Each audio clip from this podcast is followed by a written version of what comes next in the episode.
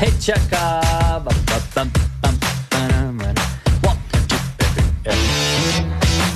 As daai gitaar so inskop, dan weet jy jy kry net daai gevoelendheid daar waar dit saak maak. Nou brei. Nou, Hier kom dit nou. Daar was die Here my maat van huis in plaas. Hallo van die Kinderbybel, hoe lyk dit? Nee, het gaan met my aanvaarbaar. Aanvaarbaar. Maar kan ek net vir jou sê, Ja. uh, jy het nou so mooi uh, vir my hierso dit- daai bultering wat jy weer vir my hier neergeskryf. Ek gaan hierdie ding raam te lus. Maar dis al wat geraam. wil jy ek moet hom gou weer vir jou lees? Ek gaan ek, Gee, gee, kom ons lees gou-gou weer net vir die lees luisteraars. vir my hierso die ding van die, bult. Ja, die luisteraars wat dit nou nie gehoor het hier aan die einde van die jaar toe Ruben begin bulte doen het nie. Ja. Die ding se naam is Ruben doen bulte. Sy Ja. kuite staan uit so seremoniele vlae, sy agterinteresseer vir dae. Om nie te praat van sy mond van al die kla. Hy druk die horlosie verstop mense hy kan doen met 'n dop. Haal asem soos 'n stoomtrein, kyk daai gesig uit na die pyn. Alles vir 'n medalje in Junie Polyshots, jy wil hom nie sien nie. Hy hou, hy bou, hy klou, hy luister al is dit duister, hy hyg, maar hy styg. Kyk nou mooi by Comrades, gaan hy goed lyk. Daai 90 kilos gaan in die hek duik. Hey. Uh, kan ek net vir jou sê, ek gaan die ding raam. Nee nee, jy moet. Ek gaan hierdie ding raam, maar dis nie al jy, dis nie al wat ek gaan raam nie. Kan ek net gou vir iets sê? Ja. Daar is nog 'n ding wat ek moet raam. Mm Mhm. -hmm. Want kyk, uit die aard van die saak, 'n mens leer ook mos maar soos jy aangaan. Ja. Nou ons nou baie oor gepraat, maar jy weet uh, jy weet jou beffie, jou vrokkie waarmee hart lê. Mm. Nie jou vroutjie nie, jou vrokkie. Ja. Nou die vrokkie, hy val as hy wit is. Is dit rarig as jy enigiets bo of meer as 10 km hardloop aan nie? Moet jy maar weet. Ek hoor in die week is nie die is is tepels. Ja ja, nee, jy moet nou nou- jy moet mooi praat. So die die, die tepels. Moet jy nou ten minste net 'n uh, bietjie van 'n pleister plak, want Of anders vaseline opsit. Of vaseline Ja ja ja. want anders te gebeur het met my gebeur het. Hmm. My eerste 21 aan, nie gaan trek ek toe my vrokkie mooi aan. En dis dan net sulke twee Jy weet wat gebeur. Hy word nat en dan word hy swaarder en hy begin skaaf op dieselfde. Ek was nou net hier oor kan die pad vir 'n- vir 'n koffie. Ja. En toe keer 'n ou my voor toe sê jy moet net aan vir Ruben sê. En dis nou die eerste ou wat hardloop nie. Hy werk daar vir die golfwinkel hier oor kan die pad. Hy sê jy moet net vir Ruben sê hy moet dit asseblief nie weer doen nie, Ja. want daai foto het my siek laat voel. uh julle is so leer mens, maar luister hierso, die persoon wat weet van hierdie goeie ook net. Ask Coach Barry. Oh. Ek het nou net gou vinnig haar verloor. Ek gaan net gou vinnig op die lyn terug. Geen probleem nie terwyl jy vir Lindsay Perry die amptelike die offisiële Comrades afrigter op die lyn kry. Glo dit of te nie. Onthou nou 9de Junie 2019 is vanjaar se Comrades marathon en hier is die syfers as jy Comrades hardloop vanjaar gaan hierdie syfers jou laat skrik. Ja. 142 dae, 11 ure, 18 minute en 14, 13, 12, 11. stop seko- het. 142 daggies, dis al. Mense, dit klink almal uh, glad nie. Dis nie so baie slapies nie, hoor. Dis nie baie slapies nie. Ja, ons sê die offisiële Comrades afrigter, coach Lindsay Perry op die lyn en coach I just spoke about my uh, little mistake that I made No, and two, uh, two mistakes. My two, mi- yeah, left and right mistake that I made during my first 21 with my Frocky coach. And uh, let me tell you, it's the last time that I'll make that mistake. Yeah, look, it's a, it's a, it's a, it's not a good way to learn a lesson, and um, I, I made me feel like maybe I've been doing this too long because I should have warned you. ja, and me So too. Sometimes, Me too. sometimes we forget about the beginners, and it was actually a timely reminder that that uh, you really need to um, be a little bit more specific and help the, Yeah. the novices along a little better. I must say that, that I felt guilty about that too. And then the other thing, of course, Lindsay, is one doesn't tell. The, uh, I have also put Vaseline in between the thighs because that also starts chafing. And, and again, the shorts get wet and the characteristic of the fabric changes. And that's the problem, isn't it? Yeah, and look, when we sweat, we sweat uh, water and salt. Mm. Of course, the water evaporates, um, and that's what cools us down, but it leaves the salt behind. So it basically leaves behind sandpaper between the between your bum cheeks, between your legs, um, between your your armpits. So yeah, I mean it's really important to put Vaseline on all the bits that uh, rub together.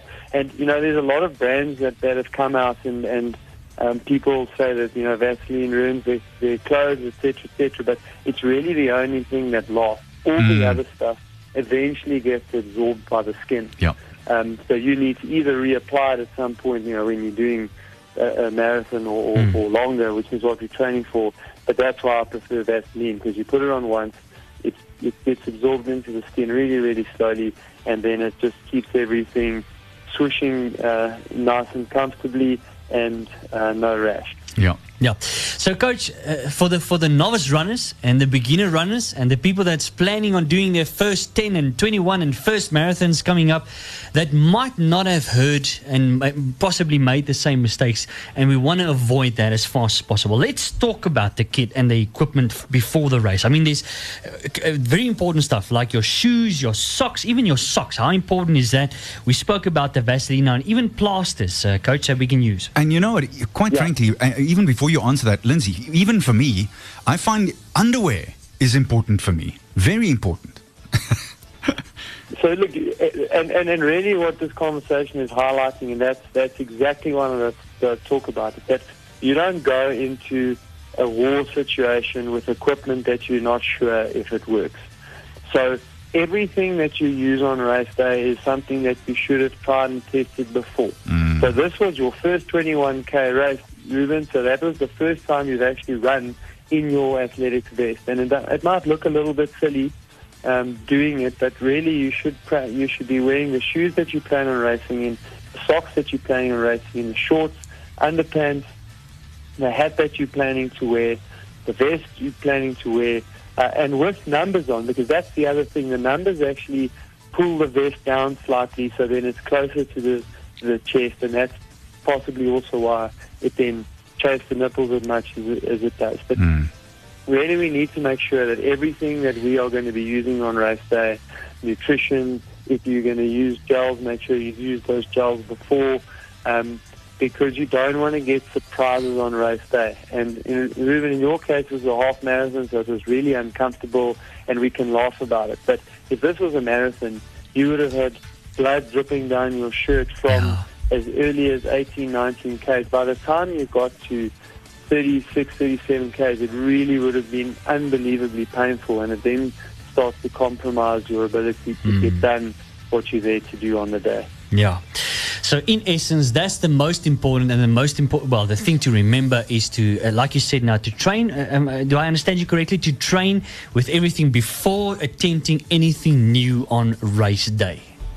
Absolutely, and look, and, and I think um, because it's January, I would I would take it one step further and say, listen, there are a lot of people that are actually starting running now. Never mind um, comrades, you know, they've signed up for their local park run and they they just want to be able to run a 5k without walking. And my advice to those people is to go to a proper running store. Um, Yes. where they offer good advice. They put you in a correct pair of shoes. They can sell you, you know, not all socks are equal. You get running running socks are different to the, the socks that you buy in a normal department store. Um, get a proper pair of, of running shorts, get proper vests, get kitted out properly so that you make this experience as comfortable as possible. And then taking it to the next step, exactly what you've just said, Ruben, is that once you get past the 10, the sort of 10K race stage and you're moving on to the 21s and the 32s and the 42s, it really is important that at least once or twice you've actually gone out and done a full kit test with your club vest, the shoes that you, the, the, the pants you're going to race in, um, the shoes you're going to race in, socks you're going to race in, so that you don't have your your race experience derailed by something going wrong or equipment failure on race day. I always say, Lindsay, that uh, you can look at it the way that top performers do a stage production. They do several dress rehearsals. Yeah. It's called a dress Yeah. rehearsal for a reason. You wear the whole thing. Uh, For what it's worth, um, I know people may think I'm a bit weird, but I, believe it or not, I like when I'm racing, I wear a Speedo as underwear. Hectic. Because I can tie it. That's the first thing. So I know it's not going to it's not going to go anywhere. That's the first thing. I can actually tie it up with, with a string, and then the second thing is it gets wet, but it gets dry fast as well. Yeah, that's but the other. that's not the only thing you wear. You wear your pants over there. Oh yeah, no, I, I normally. let's take it out, sure. I would. Do you really think I would expose the public to that? That would be cruel. Lindsay, thanks. You're an absolute star. We look forward to chatting with you next week. Absolute pleasure. Looking forward to it already. Just before you go, uh, what time did you run at this game on Sunday? Because you passed me Oh, in a I- hurry. 9107. Ah, so close, so close. good run though. That's a good Yeah. run on that course. Well done. Thank you. Okay, Cheers, take care. coach. Next Goodbye. week. Chat you next week. Cheers, bye. Okay. Alright, so daai het jy dit. En dis absoluut van kardinale belang. Ja. Vat dit nou van my wat 'n fout gemaak het van die begin af. En weer eens, weet wat? Nou ek verstaan is soos wat jy wat sê en coach Lindsay wat my sê uh, en dis nou maar net die die die, die belangrike ding is dis my beter want ek het en dis goed ek het dit geleer op 'n 21. Dis wat ek sê, ja. Nie op 'n 42 nie, maar dit is my goed want nou kan ek dit deel met iemand en sê luister gou, hier's die lank en die kort. Hoor nou, as jy die eerste keer meer as 10 kg gaan hardloop uh, en jy moet met jou vrokkie gaan hardloop. Mm. Maak seker jy kom by iemand soos 'n coach Lindsay uit of iemand wat weet waarvan hulle praat en hoor by hulle wat is die in terme van voorbereiding wat moet jy doen maar daar's baie goed wat jy in plek moet hê voordat jy aangaan om te keer dat nie skaaf uh, merke is nie maar dit maak dit net ondraaglik. Ja, is nie lekker nie. Nee, dit is nie lekker nie. So dis belangrik.